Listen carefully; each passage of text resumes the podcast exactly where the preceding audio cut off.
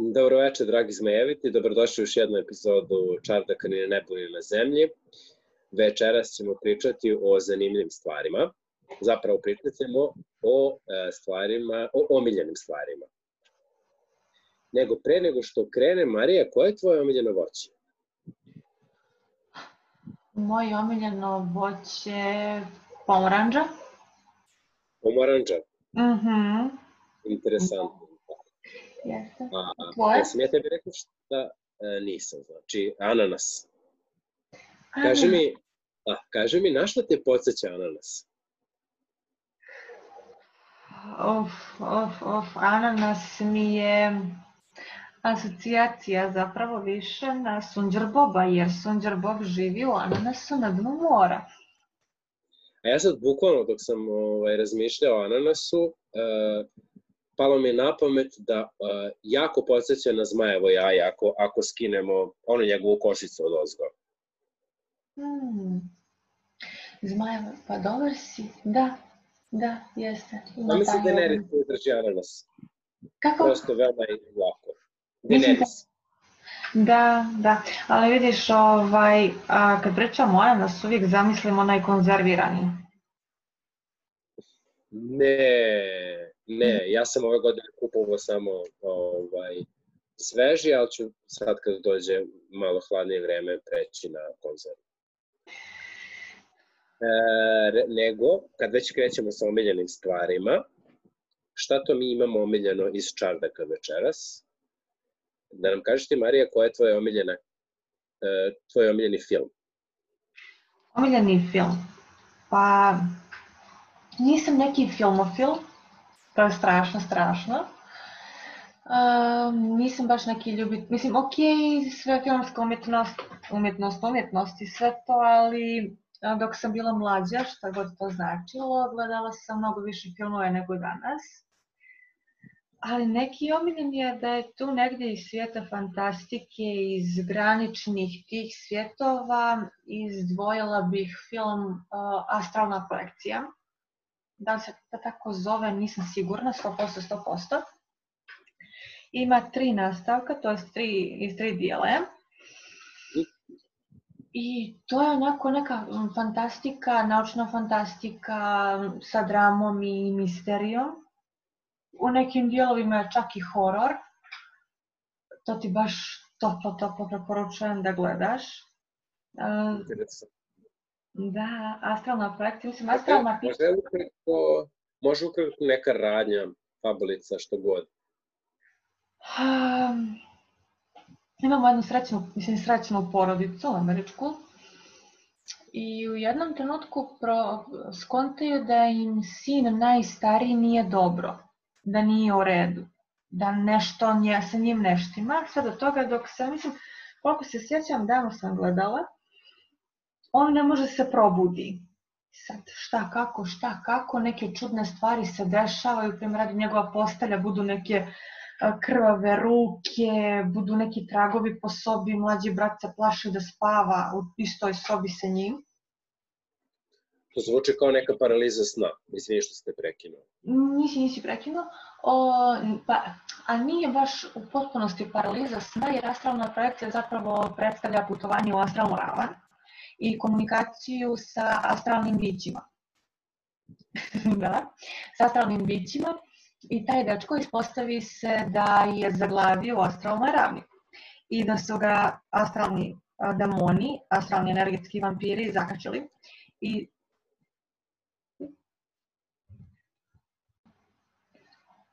A, pa u principu možemo reći, ne, ne, izvinjavam se, ne možemo reći da je to neka paraliza sna. ne. ok, ne možemo reći da je to neka paraliza sna.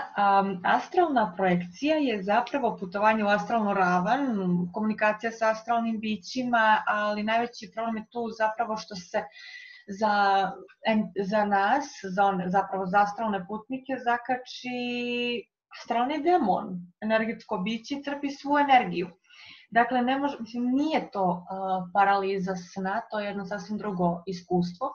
I ispostavi se da je taj dečkić zaglavio u astralu i kuće šta će, ne znam na koji način, ne mogu sad sjetim svih detalja, pronađu teticu koja je njegovog Pa tatu. Kako?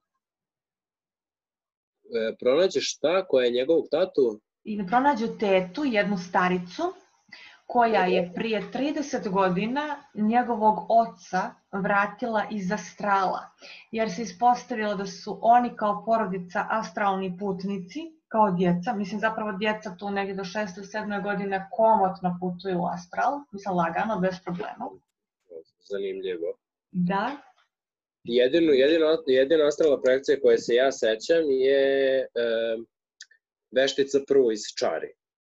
mm, čari, davno sam gledala, ne sjećam se toga da, da bih povezala To je ona starija sestra koja je prekinula ovaj, saradnju sa serijom i Mm, posle treće sezone onda su ubacili Page. Nebitno. Ne mogu da se sjetim jer, mislim, bila mi je draga ta serija tada u tom periodu, ali uvijek sam nekako a, birala, na primjer, gledala sam treći kamen od sunca, umjesto nje.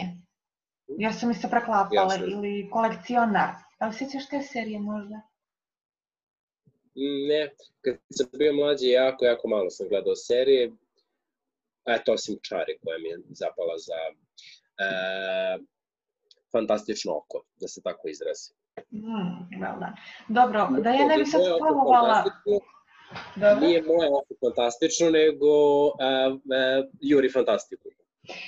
Isto kao, tvoje pero, je, tvoje pero je i fantastično i juri fantastiku, ali dobro. Da ja ne bih spojlala dalje za film, film svakako preporučujem, to je moj omiljeni, o, mislim, omiljeni, omiljeni. Ne mogu da kažem top, top, top omiljeni, ali mnogo mi je drag, jer je fino urađen. A druga stvar, druga stvar, sad mene zanima koji je tvoj omiljeni film? E, Ja sa tom moram da se složim po pitanju filmova, zato što baš u, u poslednjih godina se nije pojavio film koji me je kupio, koji me fascinirao i za koji bih rekao, e, ovo je moj omiljeni film. Um, pretpostavljam da je za to kriva hiperprodukcija koja samo štanca i traži samo uh, ono što je izu, izrazito komercijalno što će se svideti široj publici. Da. A, tako da bih izdvojio jedan film koji je možda i, možda i on čak pripada a, toj grupi filmova hiperprodukcije, ali me je kupio svojom idejom. Film se zove In Time, u vremenu. A, ideja filma je da ljudi trguju sa vremenom. Novac kao platežna valuta ne postoji, platežna valuta je vreme. Oni sa nekih 25 godina jednog jutra se probude i e, počeje da im otkucava sat na ruci koji im kaže da imaju 25 godina.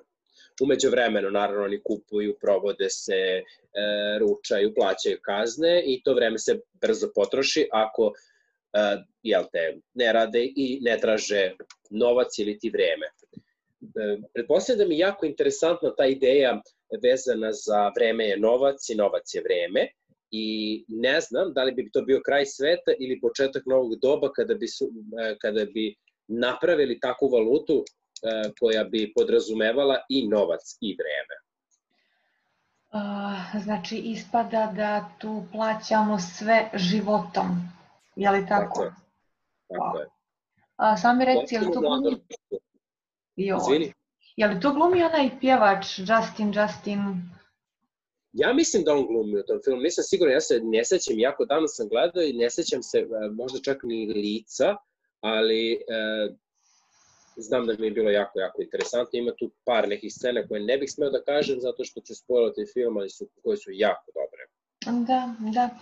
Saglasna, gledala sam taj film, dopao mi se.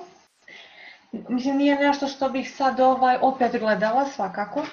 Onako, ali što, što, što si ti rekao da je dobra ideja, da je interesantno postavljeno jedno pitanje, to uistinu jeste tako. Zapravo, ko zna, možda nekad dođemo do toga da na taj način plaćamo. Jasno, ma, a pa možda, što se mene lično tiče, možda je došlo vreme da ga pogledam ponovo pa da promenim omiljeni film ili da ostane, da ga zadržim. Hmm. A, kaži ti meni, Marija, koja je tvoja omiljena serija? Omiljena serija? Uh, iz djetinstva ili sad? Šalim se. Um, pa ista situacija kao sa filmovima. Ista situacija kao sa filmovima, ali hajde prošlog ljeta sam dobila preporuku za jednu veličanstvenu seriju. Uh, Original Angels. Divna je. Da, divna je, divna je, divna je. Uh, Brit Marling je i glavna uloga i režisarka. I to je Super. jedan od onih filmova, prvo šteta, velika, velika šteta i katastrofa što su je otkazali. Da, jako mi je žao, ista situacija se desila i sa Sense8-om. Hmm, to si mi negdje pominjao. Pa, mm, ne znam da li, ajde da, da probam da ti objasnim. Uh, Sense8, uh, uh, osam različitih ljudi na različitim stranama sveta su povezani umom i mogu da razmenjuju informacije. I mogu da znaju sve što znaju uh, ostali, ne samo umno, nego i fizički. Recimo, ako neko zna borilačke veštine, uh, uh, ovaj drugi može da iskoristi njegove borilačke veštine. Ovaj, e, gledaju na to kao na jednu e, novu vrstu evolucije, ako sam, ja, ako sam ja dobro zapamtio. Ali ono što je najinteresantnije, e, kako jedna obična životna priča može da bude ispričana na divan način i da bude jako zanimljiva. Da dušu u ovom slučaju osam običnih priča, Da. iako sve pomalo neobične, jel? Hmm. Vrijedilo bi pogledati, vrijedilo bi ja sam te pogledati. prekrio, Hmm, Nema veze. Sam te. Mislim da može da nastaviš ovaj, još malo o oj, oj. Oj, oj, oj, naravno. A, sjajna je, sjajna serija, samo dvije sezone, što je tužno. To je jedna od onih serija koja je u sebe uspjela inkorporirati sve elemente fantastike. A, I one pogranične žanrove, to jest pogranične ova, elemente fantastike, pa onda bit fantastike, sve, sve, sve, znači imamo tu naučnu fantastiku, imamo fantastiku, imamo bajke. Uh, jedna od ti, onih serija koje baš dugo, dugo neću zaboraviti. U neki, na neke, neke scene su toliko duboko emotivne. Mislim, ona ima i dobru fotografiju, i dobru ideju, i dobra, dobru, fenomenalnu zapravo priču. I dvije scene, dvije scene su nezaboravne, skoro ono pa poetične. Ne znam, ti si gledao tu seriju, je li tako? Jesam, da, jesam. Ali me zanima prvo da ti meni kažeš koje su tvoje omiljene scene. Pošto je, jel te pričamo o tvojoj omiljenoj seriji? Da, ali jeste moja omiljena serija. Gledao si i ti, želim da podijelimo zajedno a, to viđenje. A, A možda omiljena- mi kažeš koje su ti omiljene scene? Da, naravno. Mislim, čak sam tu uh, omiljenu jednu scenu uspjela kao da snimim, da objavim na YouTube, da, jer je fenomenalno, volim da je se vratim. Uh, Homer. Homer je upao neko bajkovno, bajkovito stanje i luta nekom šumicom i nosi, nosi igranje na svojim leđima. Nosi ih nekoj bakici, ta bakica ispostavi se da je vještica.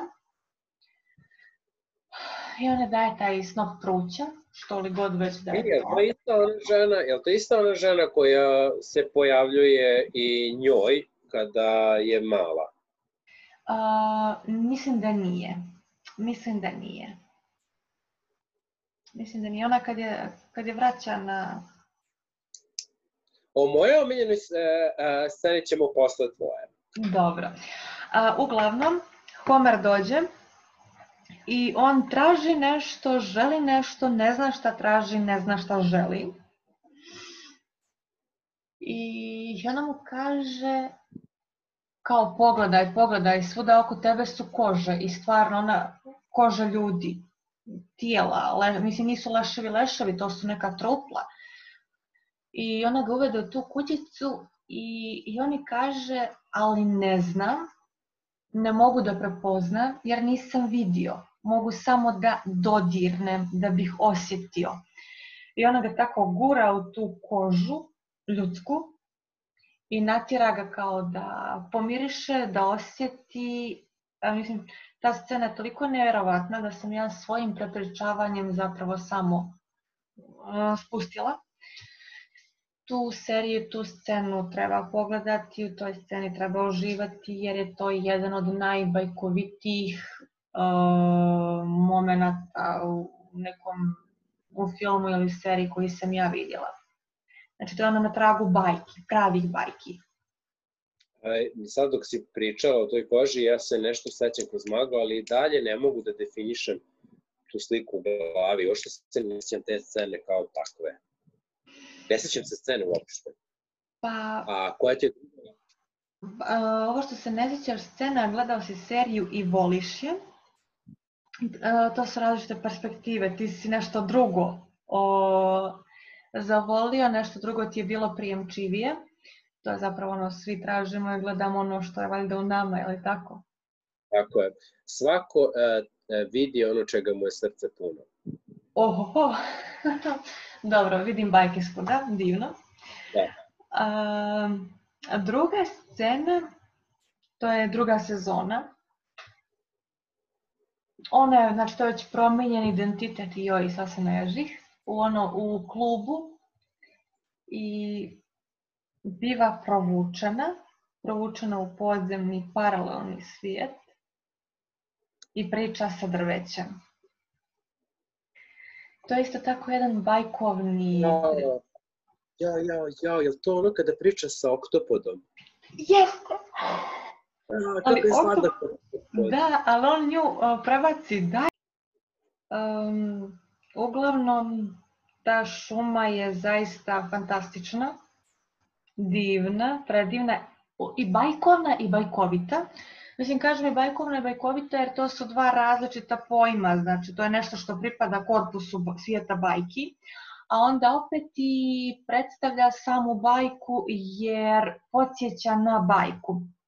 A onda, Jasne. pored, a onda pored svega toga, to nije, nije dovoljno, čitav taj proces je i čitava ta priča je zapravo jungovska jer tu možemo da se povežemo sa Jungom i onom njegovom fantastičnom ovaj, idejom da ni jedno drvo ne može izrasti do neba ukoliko nema duboke korijenje, ukoliko nema korijenje duboko do, do srži, odnosno znači da bi ona riješila sve svoje, da bi ona postala ono što jeste, mora da ode u sami pakao da bi otišla na tu drugu, na drugu ravan. Tako da ono, ta Jeste. serija je wow tvoja omiljena scena, molim te. Uh, moja omiljena scena je, uh, je uh, poslednja scena u prve sezone, u poslednjoj epizodi.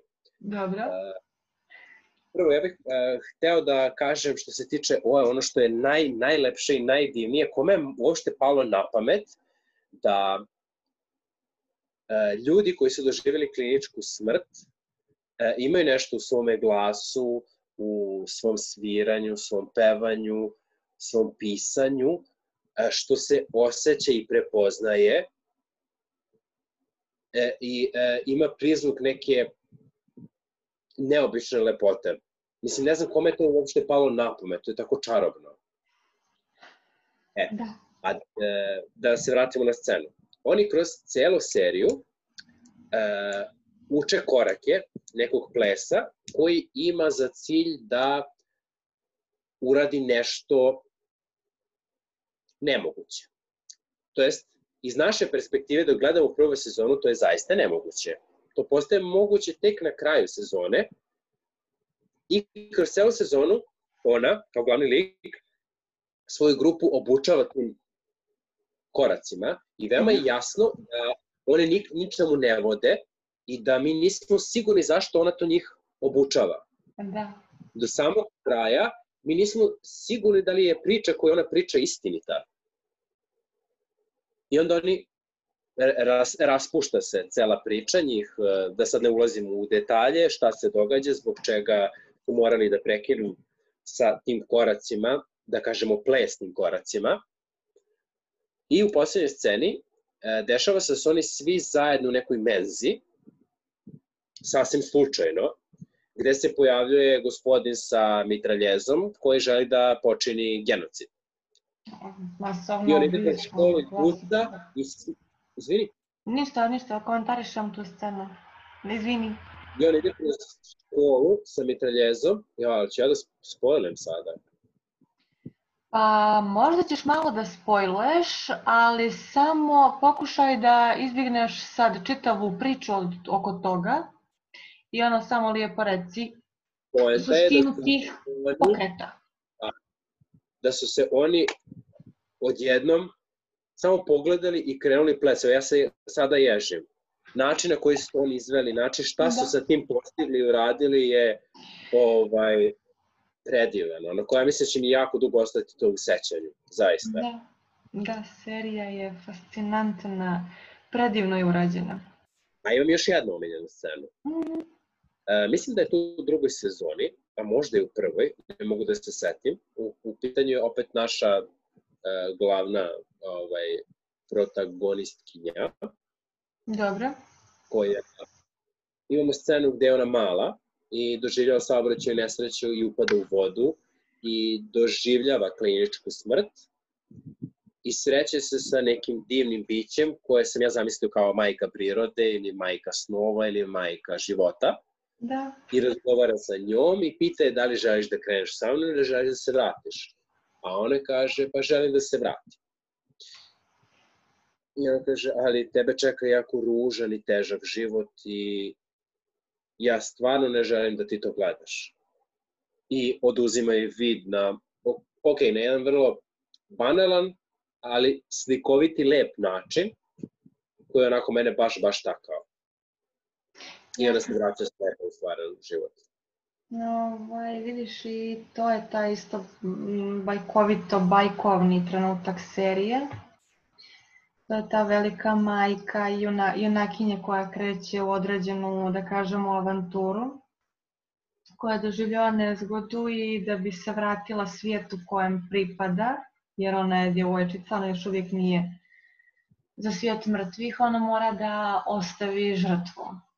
A ta žrtva je njen vid. To je baš, baš scena, uf, da. Samo smrt može da plati za život, što bi rekao Martin. A ona se zapravo vraća, ne znam, mislim, zbog oca, jer ona je, za, suština svega je u njenom životu zapravo otac. Da, tačno, da. Ona čak i odlazi u drugi svijet da nađe oca, tako? Da, da. I mislim, uf, ono, ljudi, molim vas, uključite tu seriju i gledajte. Čarobna je, stvarno. Da, to definitivno. Ok, a tvoja omiljena serija? Sad se me zateklo. pa ovako. Um, što se tiče serija, tu sam uh, već imao malo više sreće, išao sam na par serija koje su mi onako baš drage, kao što su Dark, uh, Lucifer, uh, par uh, korejskih serija Aha, dobro. koje, koje je jako teško prevesti, tako ih neću sada ni pominjati, ali nekom prilikom sigurno ćemo razgovarati o jednoj od tih serija koja je baš onako dobro urađena. A Dogovoreno. omiljena serija koju sam gledao kad sam bio mlađi, pa sam je pre godinu dana ponovo ogled, odgledao i u meni je pokrenula svašta nešto interesantno i inspirativno i toliko me, toliko me ovaj, to, toliki uti, uticaj imala na mene da sam ja na kraju istetovirao jedan prizor iz, iz te serije. U pitanju je Stvarno? Da. Stvarno? da ovaj, nije na, na zgodnom mestu za, za našu emisiju. Nećemo pokazivati, molim te, šta si to istetovirao? Pričaj sad, odmah. Istetovirao sam uh, da poslednjeg upravljača vetra. U pitanju serija se zove poslednji upravljač, Aha. vetra, ili Avatar. Uh, ajde da probam da opišem ukratko. Znači, postoji uh, u zamišljeni svet u kome imamo četiri nacije. Imamo naciju vatre, naciju vode, naciju vazduha i naciju zemlje. Dobro. Uh, i naravno svaka od tih e, nacija i, e, može da upravlja svojim elementom, pored toga jako lepo i slikovito su predstavljene njihove emocije koje podsjećaju na njihov element koji imaju u svojoj kulturi. Mm. E, njima svima, e, da ne, ne mogu da kažem da vlada, ali ravnotežu i blagostanje među njima održava avatar. To je osoba, monah, koji može da koristi sva četiri elementa i on putuje svetom i jel te, održava mir, rešava sukobe i tako dalje. E, radnja ove serije počinje pošto je te naš avatar se reinkarnira stalno i Dobre. u jednom momentu kada, kada se i svaki put se rodi u drugom plemenu. Ovoga puta je rođen u vazduhu i nije želeo da postane avatar, pošto je smatrao to veliko odgovoran za njega i onda je tako pobegao. I kada je odlučio da se vrati, kada je postao ozbiljan, dogodila mu se nezgoda i on je ostao zarobljen pod ledom 100 godina. Za to vreme Vatra je progutala, mislim, narod Vatra je progutao pola sveta, osvojio i priprema veliki rat sa uh, ledenim severnim kraljevstvom i njega u ledu pronalazi jedna devojka koja kreće sa njim na put u avanturu dok on ne savlada sve elemente, pošto je još uvek dečak, jel te savladaje samo vazduh, i kada savlada sve elemente, on bi trebalo da se suoči sa predvodnikom naroda vatre. Dobro. I ti si istatovirao tog... Ja, ja sam istatovirao tog dečaka Anga, to je mladića već, on već postaje mladić do kraja do kraja priče. Iako, iako je animacija ostala isto da je dečak, ali on je već u glavi mladić i možda i stariji. E, ispriča je na jedan tako e, bezazlen, poetičan način, a u sebi nosi duboku poruku i ima ozbiljnu priču e, koju ve, verovatno deca ne bi videla, ali odrasti veoma, veoma shvataju. Oj. Da.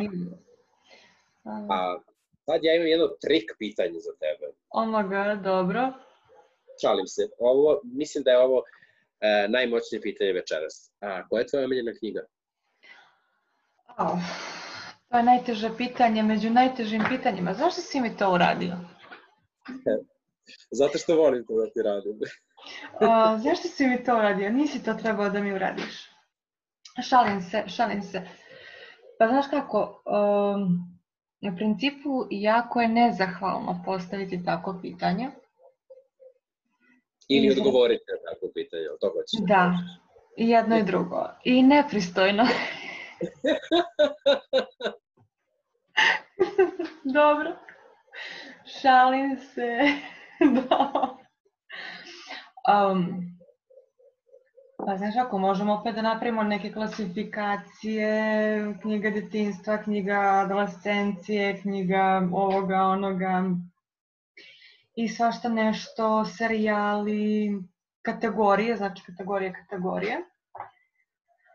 A, mislim, moja omiljena knjiga nad knjigama je Značanje bajki od Bruna Besselheima. To nije fantastika, to je tumačenje fantastike i bajki. Jasno, jasno. Onda tu su ostale knjige koje podpomažu razumijevanje, tomačenje i uživanje u fantastičnim žanrovima. Ali jedna knjiga, mislim sad ću baš onda navedem nešto iz djetinstva jer je fascinantno.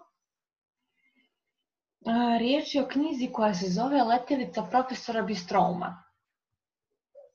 Zvuči zanimljivo. I jeste, sad ću ti kažem zašto je zanimljivo. Napisao je Čedo Vuković, prvi, bukvalno prvi, prvi autor naučne fantastike za djecu na prostoru Crne Gore. Bukvalno znači prvi. I zato, da, i zadugo je bio jedini pisac naučne, naučne fantastike u Crnoj Gori. Ali nije to toliko sad, ajde, čudno, 60. 60. godina objaviti naučnu fantastiku, ok, dobro, kad su objavljeni prvi naučno-fantastični spisi. Uh, a, ta knjiga, znači naučna fantastika, u sebi inkorporira, sadrži, dovodi, predstavlja najdivnijeg zmaja prvog zmaja koga sam ikad zavoljela. To je zmaj ne stiže me. Ili ti zmaj ne stiže me? Kako li se već... Ne stiže me. Da, ne stiže me. Taj zmaj je mica nad micama. I tako sam ja tu sa neke desete godina uh, otkrila knjigu koja je spojila naučnu fantastiku i fantastiku, naučnu fantastiku i bajku. Mislim, to nije sad neka vrhunska, vrhunska proza, vjerovatno sad za djecu postoje mnogo bolje knjige naučne fantastike, ali to je neka knjiga koja me je kupila za sva vremena. Baš, baš za sva vremena. Kasnije ja sam čitala druge knjige koje obožavam, koje volim iz različitih razloga, iz različitih uglova. Mislim, uvijek se vežam tu za neki taj bajkovni korpus, za bajkovnu stvarnost, nazovimo to tako.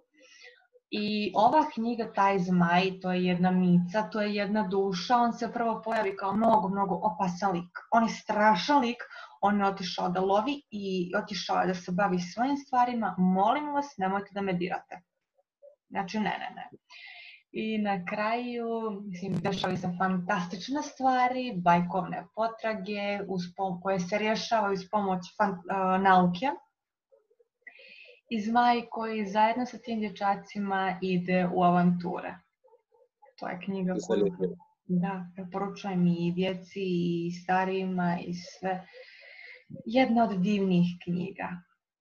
Baš, Tako baš. A tvoja omiljena knjiga, moram da ti vratim zdravo za gotovo. Pa Marija. Nemanja ne znam, ne znam kako da počnem. Mislim, ja znam, e, evo gde nastaje moj zbun. Ja imam omiljenu knjigu, ali moju omiljenu knjigu nije napisao moj omiljeni pisac. Dobro. Kako ja sam objavim? Moja omiljena knjiga je Okean, Okean na kraju puteljka od Nila Gejmena. Dobro. To je priča o čoveku koji odlazi u svoj kraj u kom je odrastao i dok odlazi tamo polako počinju da mu se vraćaju sećanja. I taj deo još uvek nije fantastičan, ali je opisan tako emotivno da sam se ja, to je, i to je bila prva knjiga, evo priznajem, da sam ja pustio suzu, a samo sam pustio suzicu, ali sam se dosta puta suzdržavao da ne zaplačem.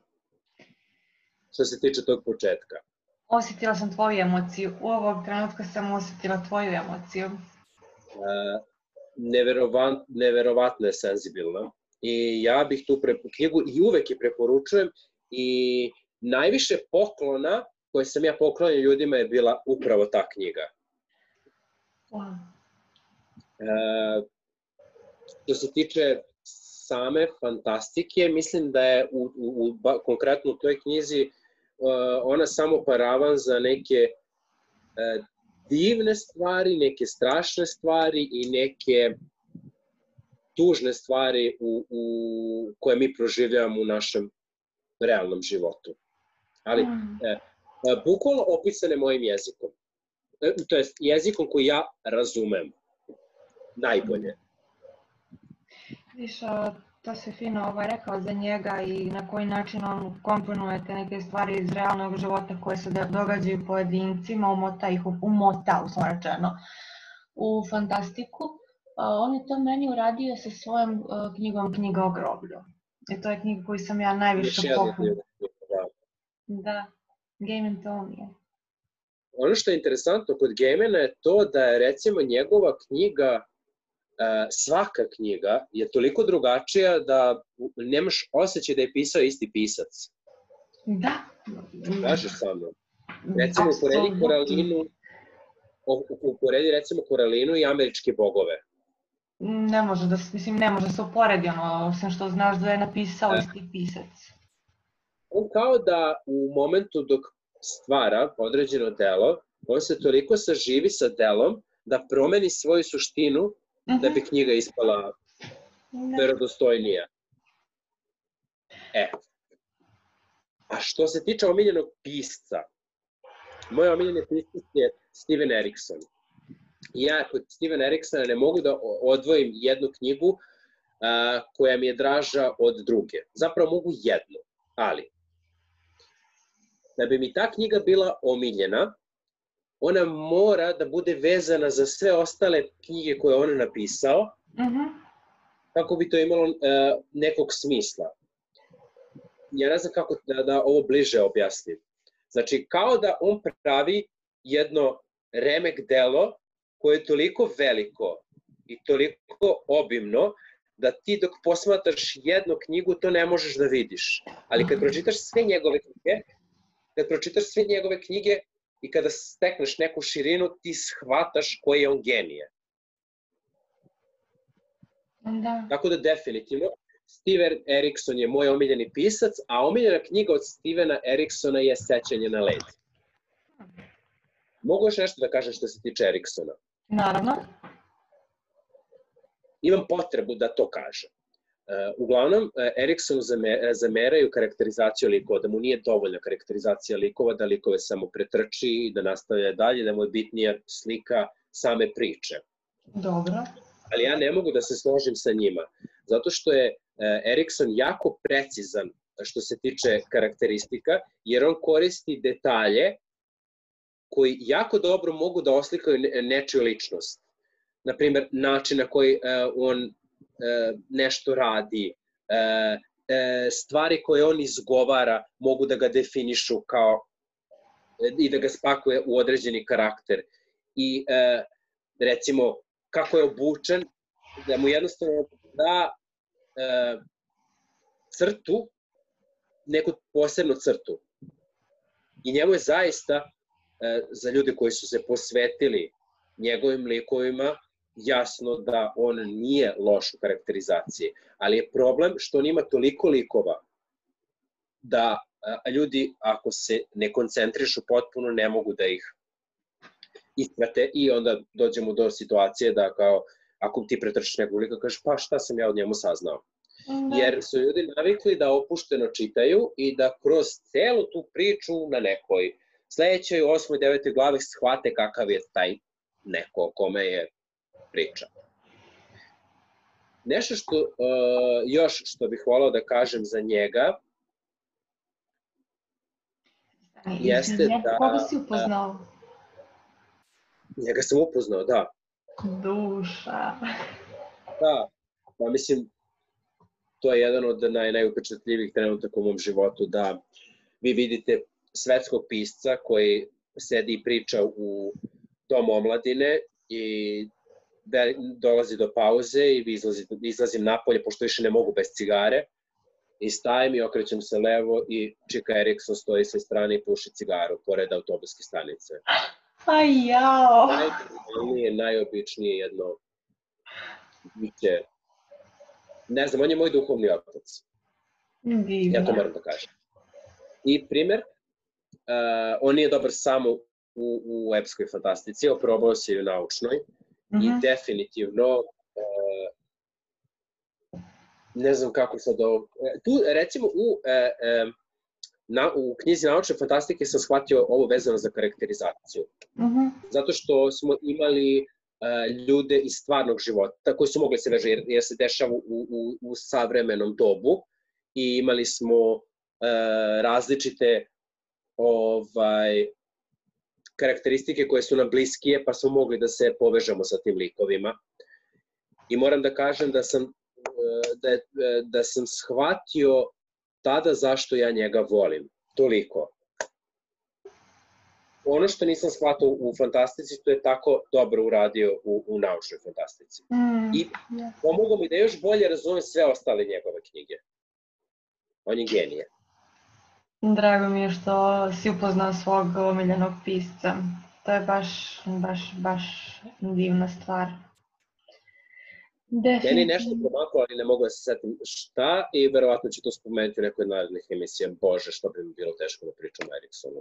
Da, zašto bi bilo teško da pričaš o njemu? Uopšte. Majok.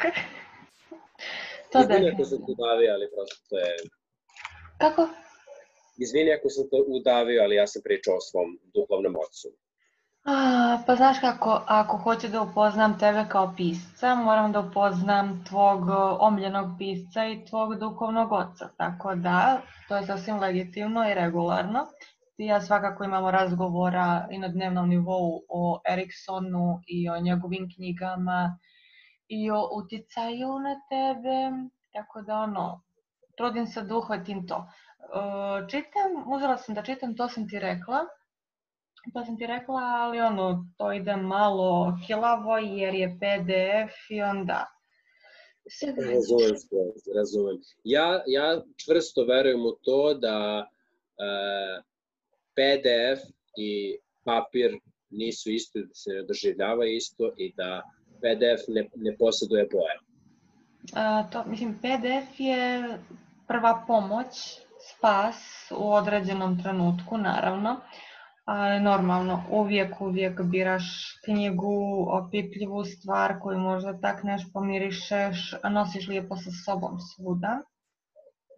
Naravno PDF, mislim voljela bih da sam imala PDF prije 20 i više godina kad sam bila klink koja se isključivala onako svijetlo veče, ne možeš da čitaš više. to smo ono svi doživljavali.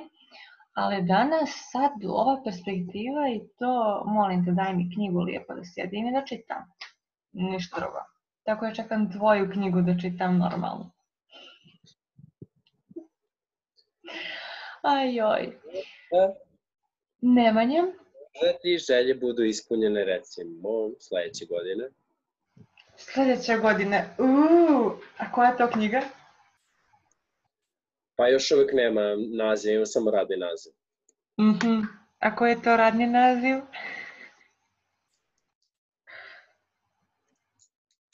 Sudar bogova. Uf, uf, uf, zvuči interesantno. A smijemo li još nešto da pitamo? Samo izvolite. Oh, osjećam se sad. Uf, uf, uf, uf. Šta si zamislio sa tom knjigom? da nervira sve oko sebe, lektore i urednike, i izdavače, i, i PR-ove, i HR-ove. Aj. I da ja uđem. Da nerviraš, ma hajde, to uopšte... to ti uopšte ne polazi... Mene ne možeš tako lako iznervirati. Mene ne možeš tako... Mislim da bi bilo cool da imamo jednu epizodu koja će biti posvećena ovome, jer ako mi budemo počeli da pričamo o mojoj knjizi, ja neću znati da stanem, a i ti nećeš znati da staneš sa pitanjima, tako da ovaj, to treba da sačuvamo za neku bonus onako epizodu koju Evo, mogu da ti da kažem, samo Nemanja, Nemanja, jedna, jedna, jedna stvar.